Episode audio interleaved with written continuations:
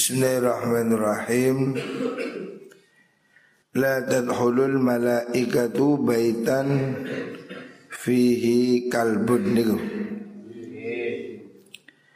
La tadkhulu orang lebu sapa al malaikatu malaikat. Baitan ing omah Fihi kang iku ing dalem bait kalbun utawi asu anjing ya. wala suratun nan ora gambar maksudnya gambar itu gambar hewan atau patung-patung ya. jadi tidak boleh melukis manusia atau hewan tapi kalau melukis gunung, pohon itu diperbolehkan. Rumah-rumah jangan diberi patung, relief-relief yang berbentuk hewan, baik itu manusia ataupun hewan-hewan. Yang kedua juga jangan ada anjing. Ya. Rasulullah Shallallahu Alaihi Wasallam tidak menyukai ya menyatakan malaikat tidak akan masuk rumah yang di dalamnya ada anjing ya. Jadi melihara anjing kalau umpamanya harus melihara anjing.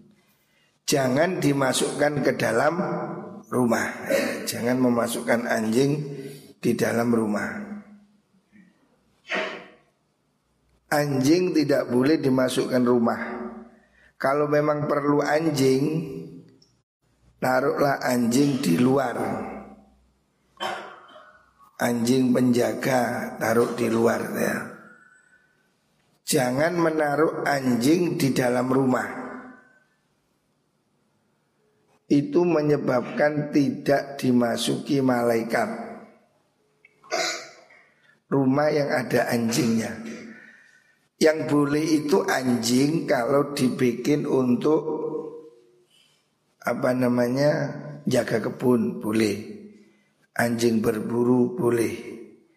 Tetapi anjing yang dibuat untuk hiasan di dalam rumah itu tidak boleh ya.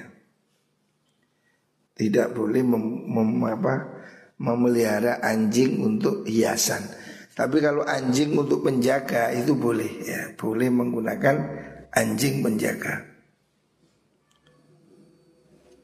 Selanjutnya hadis Urwahu Syekhan. Ini hadis sahih Urwahu Syekhan. La tusaddur rihal illa ila thalathatin. Rasulullah sallallahu alaihi wasallam bersabda la satu ora kena den budalaken utawa ora kena den taleni. Apa arrihalu piro-piro kendaraan? Tidak boleh kendaraan diarahkan illa Ila salah sati masajid angin maring telu piro-piro masjid. Hanya ada boleh tiga masjid ya, Yang boleh menjadi tujuan. Rupanya al-masjidil haram, masjidil haram Wal masjidil aqsa dan masjidil aqsa. Wa masjidilan masjid ingsun Hadza rupane ikilah masjid Yaitu masjid Madinah Ada tiga masjid yang menjadi tujuan utama umat Islam ya. Yaitu masjid Masjidil Haram di Mekah Masjidil Aqsa di Palestina Dan Masjid Nabawi di Madinah ya. Selain itu tidak dianjurkan tetapi bukan berarti dilarang, tidak ada larangan. yang dimaksud tujuan utama ya, yang masjid mempunyai keistimewaan itu hanya tiga. Masjidil Haram, Masjid Nabawi, dan Masjidil Aqsa. Tiga masjid ini masjid utama. Ya. Dua berada di Saudi, satu berada di Palestina. Jangan sampai masjid ini diambil orang lain. Makanya sampai kapan pun umat Islam harus mempertahankan Masjidil Aqsa. Karena itu satu dari tiga masjid yang dianjurkan kita berziarah ke sana. Dan sholat di tiga masjid itu pahalanya tidak sama dengan sholat di masjid lain. Masjidil Haram itu nilainya sampai seratus ribu. Masjid Nabawi seribu. Masjid Al-Aqsa 500 Kali lipat dibanding masjid di selain ketiga itu. Makanya Tiga masjid ini menjadi tujuan semua umat Islam Apakah ke masjid yang lain tidak boleh? Ya boleh kenyataan sejak dulu Nabi menyuruh pergi ke masjid di mana pun tetapi tidak ada spesifik ya keistimewaan selain tiga masjid itu. Bukan berarti terus tidak boleh pergi ke Masjidil Istiqlal. Siapa yang melarang? Tidak dilarang. Pergi ke masjid di mana pun bagus. Tetapi yang menjadi tujuan ibadah ya yaitu tiga masjid, Masjidil Haram, Masjid Nabawi dan Masjidil Aqsa. Hari ini kondisinya masih dibatasi. Umroh sudah mulai dibuka tapi masih ketat. Masih ada karantina. Hari ini orang bisa umroh 9 hari tapi ke masjid cuma satu kali. Masjid Nabawi satu kali, Masjidil Haram satu kali. Karena situasinya masih pandemi ini. Muka-muka pandemi segera berakhir. Kita tidak tahu kapan. Tapi kita berharap Muka-muka Gusti Allah segera menghilangkan pandemi ini Karena kita ini ya siapa yang tidak ingin ke Masjidil Haram ya Semua orang Islam pasti ingin pergi ke Masjidil Haram Dan tidak ada belengernya Saya sudah pergi ke Amerika Saya sudah pergi ke Eropa kalau diajak lagi males. Kemarin ada teman ngajak ke Perancis, males. Saya sudah dua kali ke Perancis. Ada teman ngajak lagi ke Spanyol, aras-arasan. Tapi kalau Mekah, walaupun sudah berpuluh-puluh kali, kita ini tidak pernah bosan. Ya. Sebab kita ini pergi ke sana berdasarkan iman. Kalau rekreasi kan ngapain rekreasi dua kali? Jadi ke Mekah ini bukan rekreasi. Ke Mekah ini memang tujuan kita ibadah. Ka'bah Baitullah. Rumahnya Allah. Bukan berarti Allah ada di situ ya. Allah tidak berada di Ka'bah. Tapi ini adalah tempat titik kumpul Tempat kiblat menghadap umat Islam sedunia. Orang tidak ada bosannya pergi ke Mekah. Saya ini kalau boleh kepingin pergi lagi. Sudah berpuluh-puluh kali Tapi tidak ada bosan. Kalau tempat lain Ke Perancis Saya sudah dua kali. Mau diajak ke sana lagi saya udah nggak mau. Ngapain pergi ke Perancis lagi? Paling cuma lihat menara Sutet Menara Eiffel kan kayak Sutet jaga listriknya Seperti Sutet yang diperbesar tidak ada yang saya lihat itu istimewa tidak ada. Tapi kalau Ka'bah, masya Allah, kedamaian hati itu luar biasa. Tapi kalau Medina, makom kanjeng Nabi itu luar biasa. Jadi tidak ada tempat yang lebih menyenangkan menurut saya selain Mekah, Medina dan Palestina. Masjidil Aqsa. Saya sudah dua kali alhamdulillah pergi ke Masjidil Aqsa. Masjidil Aqsa ini Masya Allah Bumi yang berkah Makanya Allah mengatakan Subhanalladzi asra bi abdihi lailan minal masjidil haram ilal masjidil aqsa. Tanahnya subur, udaranya nyaman. Saya alhamdulillah dua kali pergi ke Masjidil Aqsa. Dan menurut saya sangat menyenangkan. Seandainya boleh gampang saya ingin pergi ke sana lagi. Muka-muka situasi segera aman kita ingin ziarah Mekah, Medina dan Masjidil Aqsa. Rawahul Bukhari. Selanjutnya la yazalun nas bi khairin ma ajjalul fitrah. Rawahul Jamaah. La yazalu la yazalu ora leren-leren sapa annasu menungso iku bi khairin bagus. Manusia ini selalu keadaan baik Ma'ajalu selagi ninggiki soponas Al-fitra ing buko Selama mereka ini segera berbuka Maksudnya kalau orang Apa namanya Berpuasa Ini sebaiknya segera buka ya.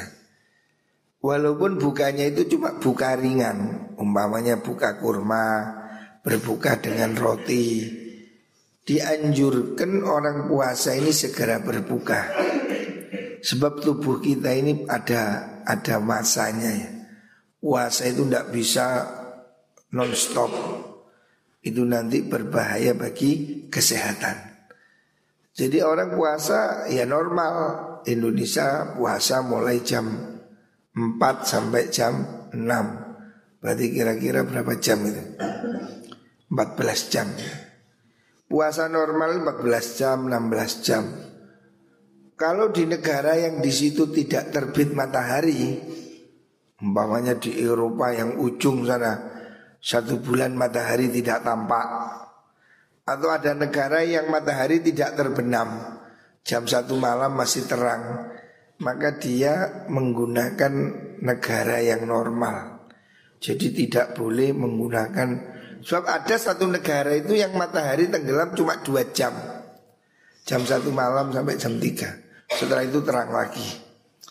Lah pada posisi seperti itu yang dianjurkan puasa menurut ukuran normal daerah sekitar yaitu antara 14 jam atau 16 jam tidak disyariatkan puasa 24 jam ya. Jadi ini Islam ini tidak sulit ya.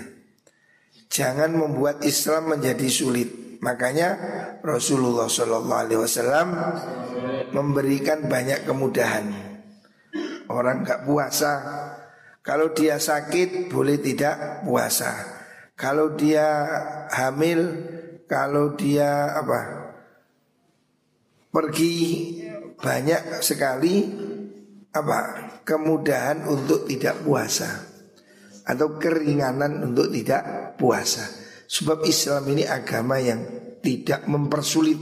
Nah, kalau mampu puasa, puasa. Yang tidak mampu diganti kodok atau bayar fidyah.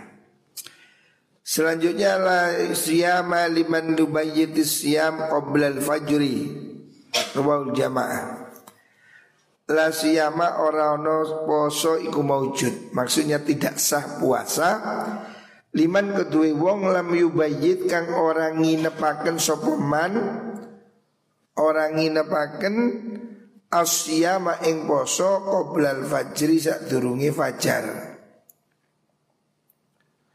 Orang yang puasanya tidak niat di malam hari. Ini sesuai dengan madhab syafi'i. Puasanya tidak sah ya. Niat puasa itu harus dilakukan di malam hari. Sebelum subuh. Kalau setelah subuh tidak sah. Bagi puasa fardu. Tapi kalau puasa sunnah Puasa Senin Kemis Puasa yang lain Boleh dilakukan di waktu pagi Meskipun ini ada pendapat Imam Malik yang mengatakan puasa boleh Ramadan diniati satu bulan menurut Imam Malik. Tetapi menurut Imam Syafi'i tidak sah puasa bagi orang yang tidak niat di waktu malam hari. Nah terus bagaimana? Kalau ada orang malam hari tidak niat, dia tetap wajib imsak. Imsak artinya tidak boleh makan. Meskipun dia puasanya tidak sah, artinya harus tetap di kodok. Ya. Jadi jangan salah paham. Kapan hari dulu pernah ada anak puasa makan, saya panggil, kenapa kamu nggak puasa? Lupa tidak niat. Walaupun tidak niat, kamu juga tetap tidak boleh makan. Itu namanya menghormati bulan Ramadan. Jadi orang yang lupa niat di bulan Ramadan tetap tidak boleh makan tetap harus imsak menahan diri tidak makan minum di waktu siang. Meskipun puasanya itu dianggap tidak sah, artinya dia wajib mengkodok ya. Karena niatnya tidak dilakukan di malam hari. Selanjutnya la tadkuru halkakum illa bi khairin Alhamdulillah. La tadkuru ojo nutur sira kabeh hal kakum ing pira-pira wong mati sira kabeh illa bi khairin angin kelawan bagus. Janganlah kamu menyebut orang yang sudah meninggal nah, kecuali kebaikannya. Orang ini kalau sudah mati Jangan digunjingkan lagi. Jangan menyebutkan keburukan-keburukan orang yang sudah mati. Jadi kalau orang ini sudah mati ya sudah Urusannya sudah berakhir. Jangan disebut lagi kejelekannya Kecuali kalau untuk itibar. Misalnya orang menyebut kejahatan Fir'aun. Fir'aun itu diktator pembunuh boleh karena apa? Mengingatkan supaya orang tidak meniru Fir'aun Tetapi spesifik menyebut teman, menyebut tetangga Menyebut orang mati dengan kejelekannya itu tidak boleh ya. Ini hadis Urwahu An-Nasai Selanjutnya La ta'jibu bi amali amilin Hatta tanzuru bima yukhlamu lahu. Rawal tabrani. La takjibu ojo gawok sira kabeh. Jangan kamu heran ya. La takjibu ojo gawok sira kabeh. Bi amali amilin kelawan amali wong kang amal. Orang ini amalnya jangan dianggap aneh. Walaupun dia ini ini luar biasa. Ahli puasa Ahli tahajud. Jangan kamu heran.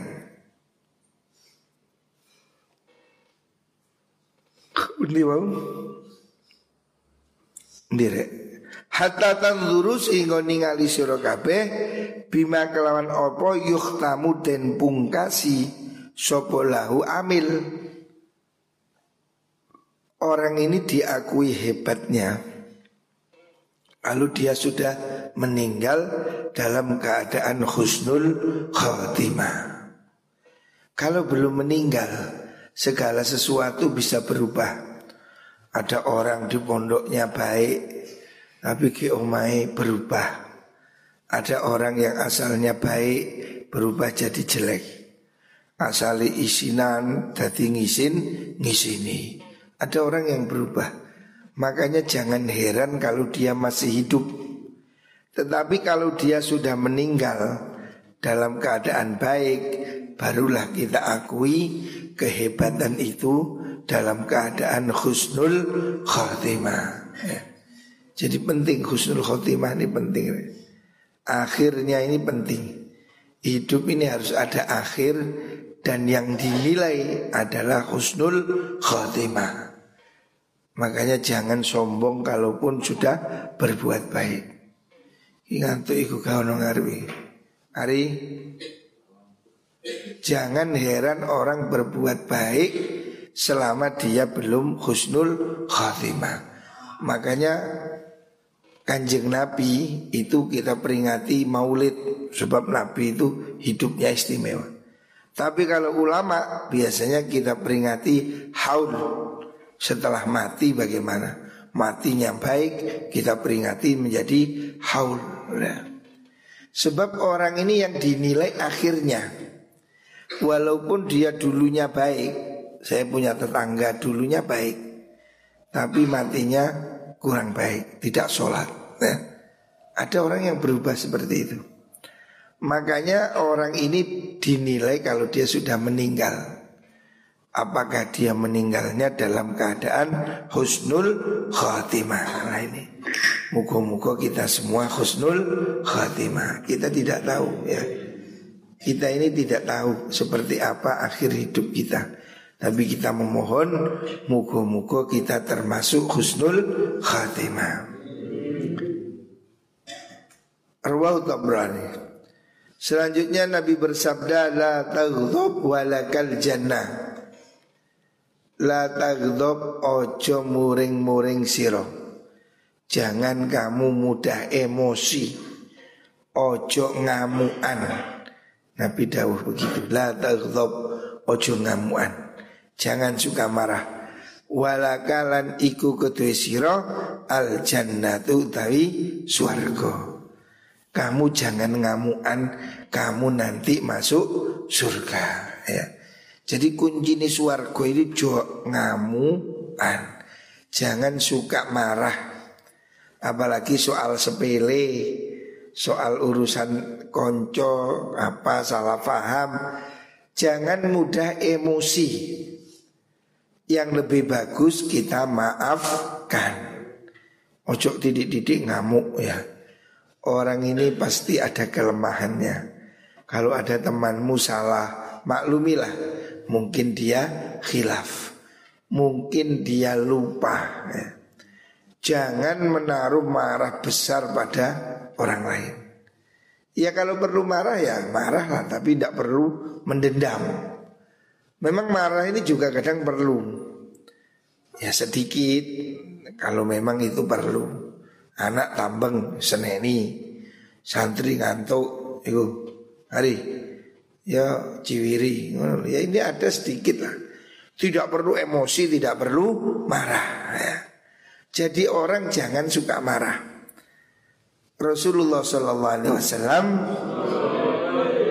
mengatakan la taghdab walakal jannah.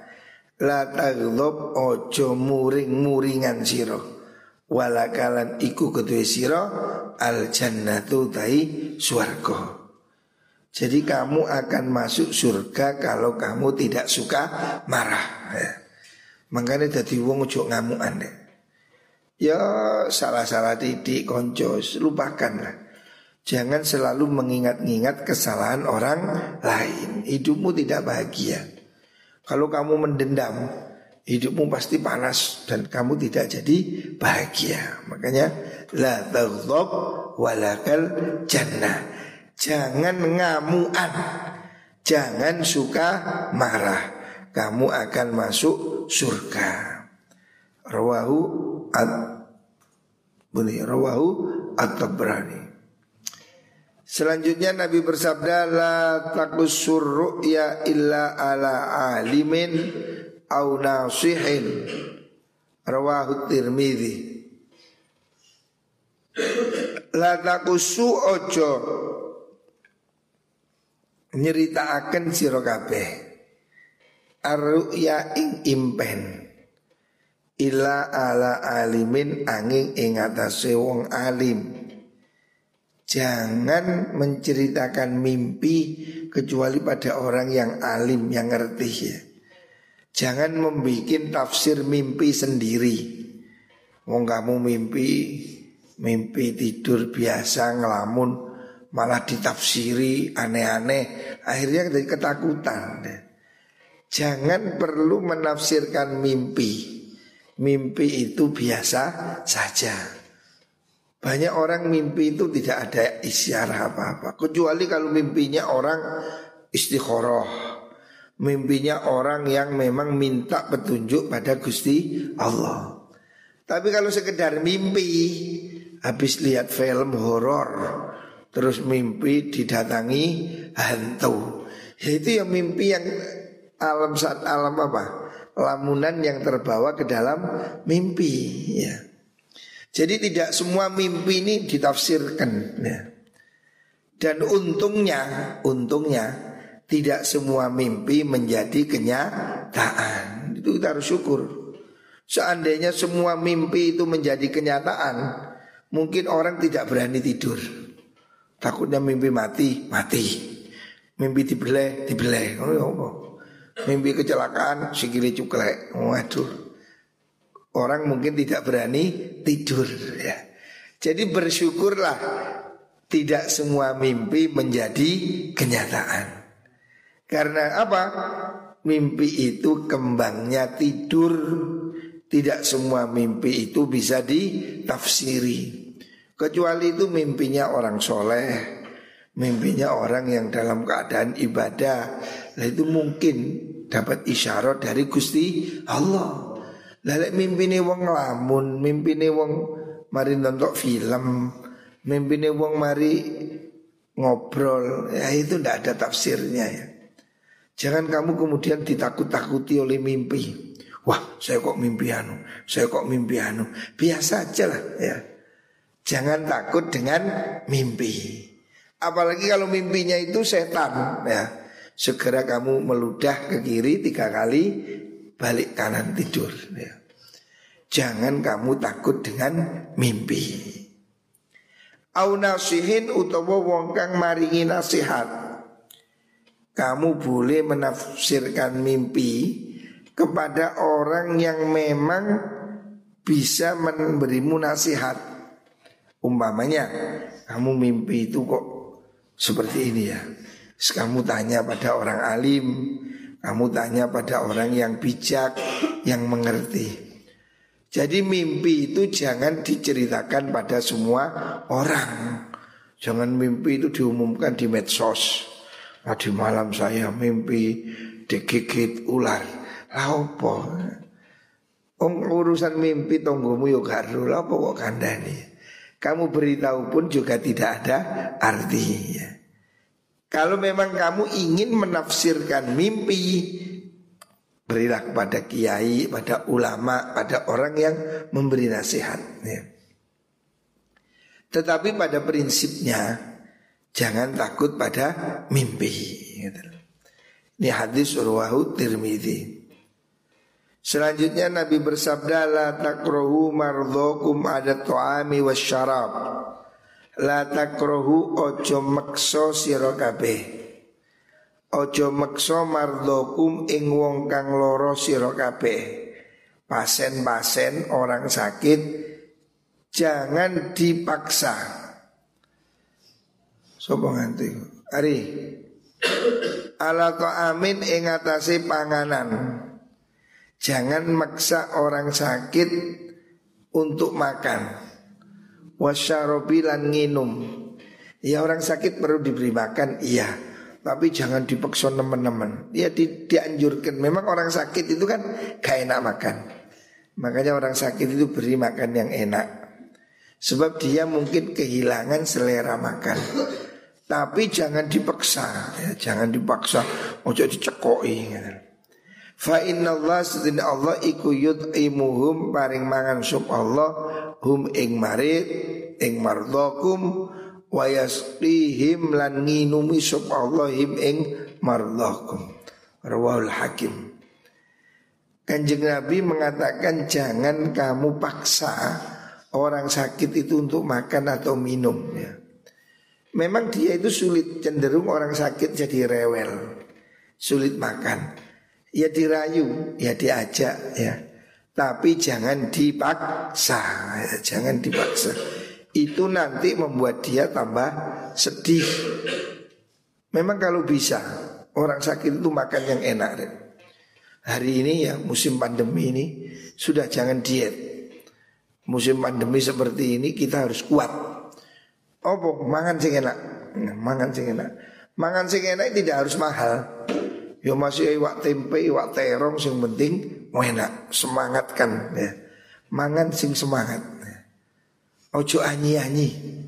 Musim pandemi ini usahakan makan yang makan yang apa itu yang enak, yang giat. Mangano sing akeh, sing enak. Jangan malah jadi sulit makan. Memang orang sakit itu cenderung nggak suka makan. Makanya harus didorong ya. Tapi jangan dipaksa. Ojo arek kak gelemangan kok cuwa jeli mangap. Cekok ini aja ya. Itu malah stres lah ya. Ya anjurkan makan, belikan bakso, belikan apa. Anak-anak yang sakit ini ya musim pandemi. Ada yang sakit nggak ini? Kamar A ada yang sakit? Sopo ngantuk ini? Ada yang sakit kamar A? Gak ada. Kamar B Gak ada yang sakit. Kalau ada yang sakit dirawat ya. Itu kamar E itu, usah pengantuk itu. Ada yang sakit kamar E? Hah? Harus dirawat. Kalau ada yang sakit beri makan, beri obat, beri probiotik ya. Kita minum probiotik. Saya setiap hari minum probiotik itu. Beri makan temanmu, layani temanmu ya. Itu ibadah. Memberi makan orang sakit itu ibadah. Rawal Hakim. Selanjutnya Nabi bersabda la takrohul banat fa innahu al mu'nisat al ghaliyat. La takrohu ojo sengit sira Jangan kamu membenci Albanati ing piro-piro anak wadon. Jangan kamu benci anak perempuan. Anak perempuan itu jangan dibenci. Ini tipe orang jahiliyah Orang dahulu ini lebih senang anak laki-laki. Kalau punya anak perempuan sedih. Padahal anak perempuan itu lebih menyenangkan. Anak perempuan itu lebih ramah Lebih lucu ya. Orang-orang jahiliyah itu tidak suka anak perempuan. Yang memuliakan perempuan itu adalah agama Islam. Islamlah yang memuliakan perempuan. Sehingga Nabi mengatakan surga di bawah telapak kaki ibu. Jadi yang memuliakan perempuan itu Islam. Makanya jangan benci pada anak perempuan.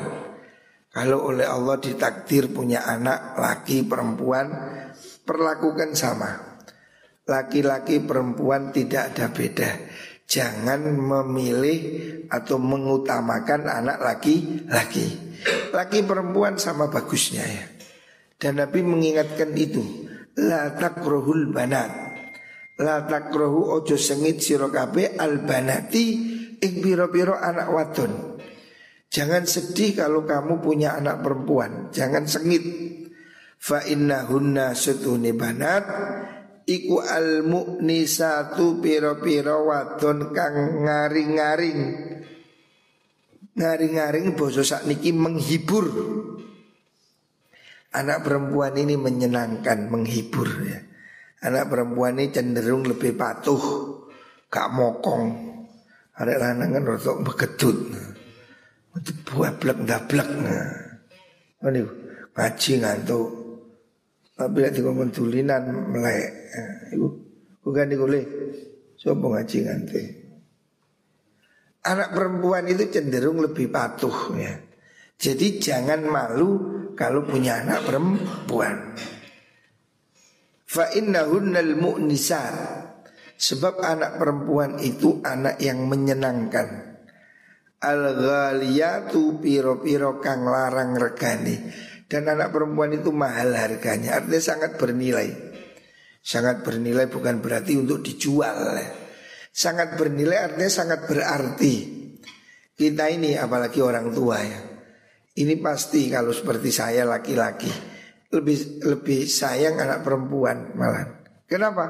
Anak perempuan ini lebih patuh, lebih manut Dan lebih sayang Orang-orang tua itu merasakan anaknya biasanya yang perempuan lebih open, lebih peduli ya. Lebih menyenangkan. Anak laki-laki memang ya satu sisi dia jangkauan lebih luas. Tapi kadang begitu tel, tambengi gitu.